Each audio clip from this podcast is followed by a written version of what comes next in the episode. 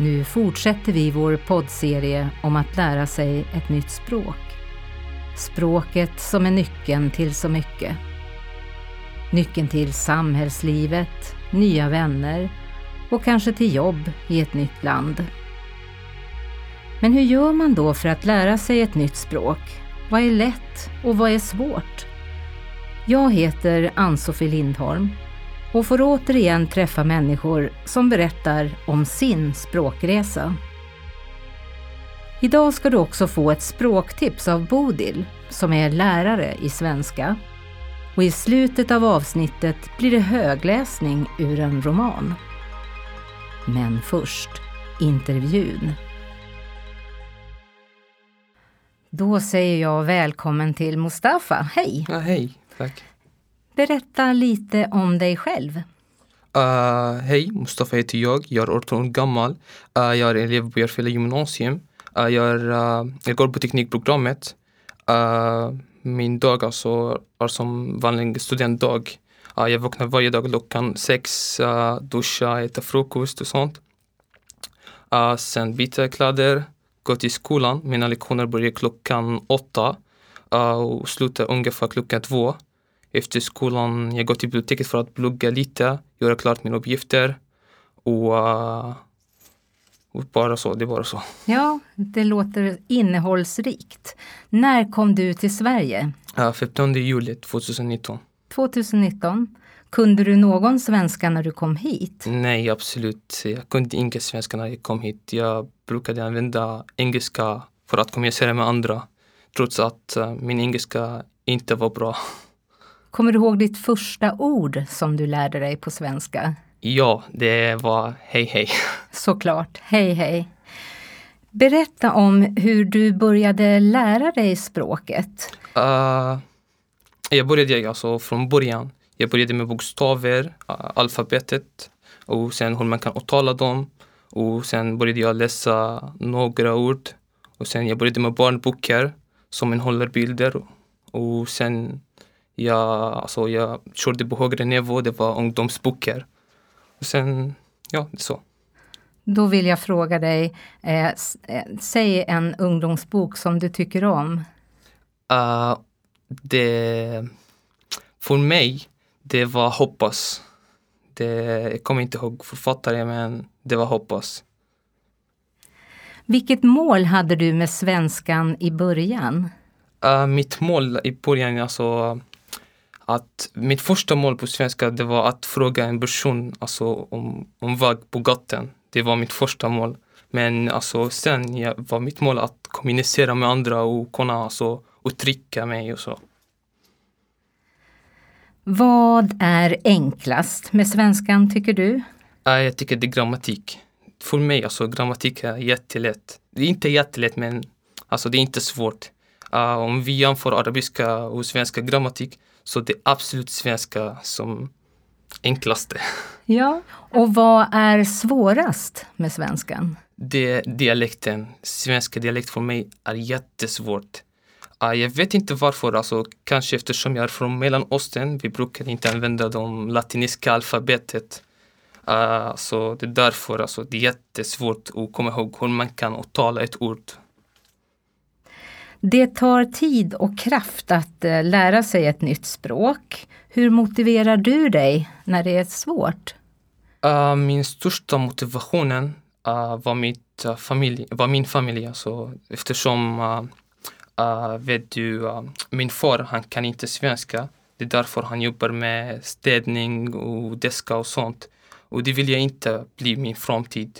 Det är därför alltså, jag vill alltså, jag vill alltså utbilda mig bra för att uh, kunna ha ett bra jobb i framtiden och kunna försörja min familj. Det är det. Mm, vi har pratat eh, lite grann om att du läste barnböcker och sen ungdomsböcker. Läs, läser du mycket, både på svenska och på ditt modersmål?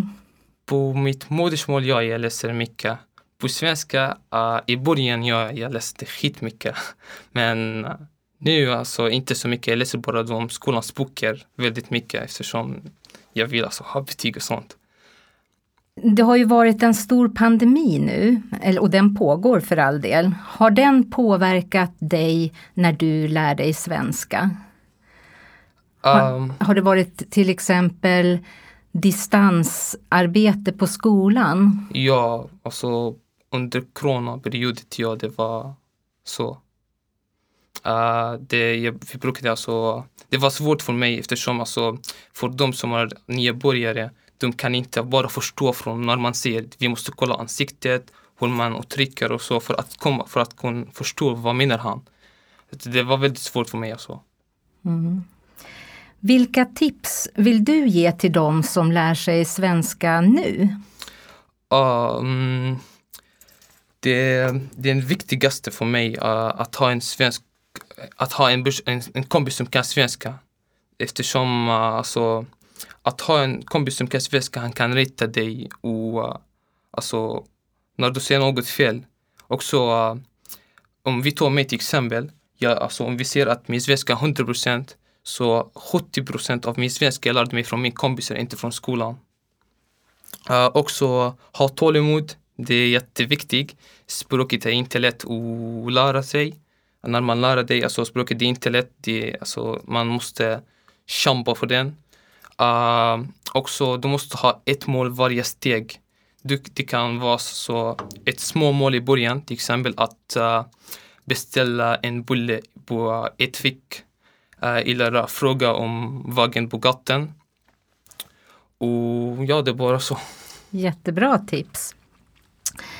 Eh, jag måste också fråga eftersom du är ung, när du tänker dig framtiden, vilket är ditt drömyrke? Vad vill du jobba med? Uh, jag vill jobba med cybersäkerhet. Uh, eftersom uh, alltså, jag gillar alltså, den här yrket jättemycket. Och uh, också det är framtidsjobb det, det är så. Det kommer att gå vägen, det är jag övertygad om. Tack snälla du för att du kom hit. Tack för intervjun. Tack.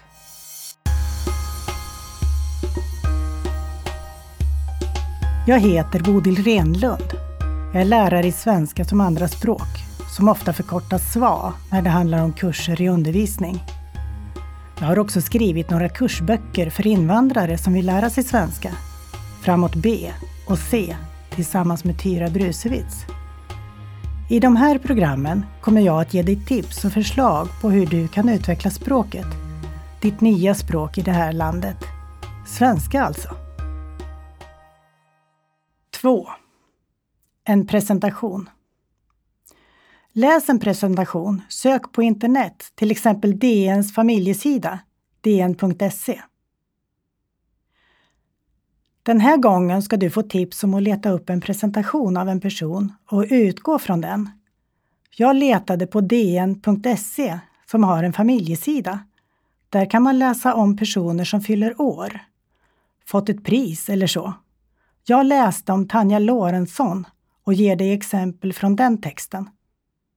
När du läst presentationen hittar du säkert många ord som du behöver förstå. Men försök först hitta olika delar i presentationen. Vad tar den upp om personen? I mitt exempel om Tanja Lorentzon får vi veta flera delar i hennes liv redan i ingressen. Inledningen av artikeln i fet stil. Skådespelare. Fotboll. Finsk bakgrund. Redan nu har du tre delar. Finns det fler?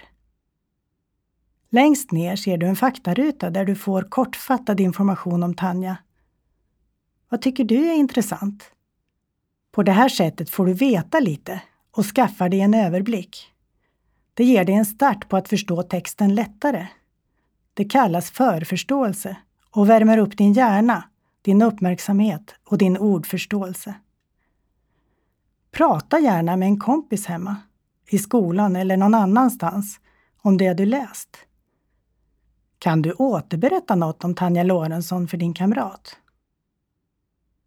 Tanja ställer själv fler frågor i texten. Vad undrar hon?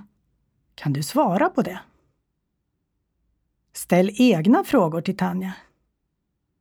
I min inledning här har jag formulerat några frågor för att kommunicera med dig och för att du ska bli aktiv. Att ställa frågor är ett viktigt sätt att få reda på mer och förstå bättre. Det är bara du själv som vet vad du undrar över.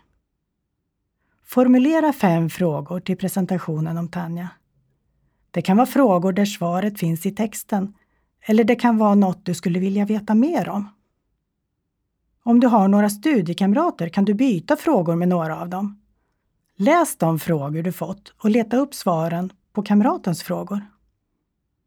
Prata sedan med den du bytte frågor med och diskutera om svaren fungerar och stämmer med det du fått veta om Tanja Lorentzon.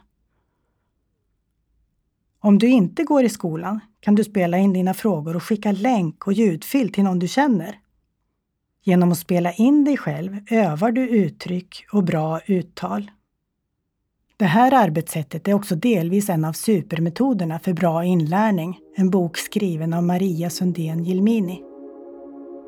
Hej då! Vi hörs igen! Jag avslutar det här avsnittet med att läsa ett kapitel ur Veckans vara av Maria Janeklint och Mats Larsson. 2. Skola Det är måndag morgon och klockan är halv sju. Det är tyst i lägenheten. Hassan har åkt till jobbet. Hassan börjar jobba klockan sex varje morgon. Han slutar klockan tre. Nu lagar Sadia frukost till fem barn.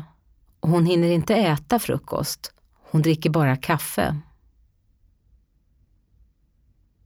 Sadia börjar skolan klockan halv nio. Hon slutar klockan tolv.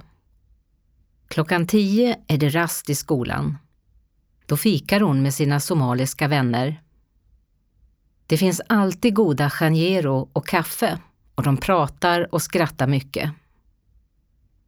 Sadia älskar skolan. Hon älskar att bli bättre och bättre på svenska. Hon älskar att träffa sina vänner och umgås med vuxna människor.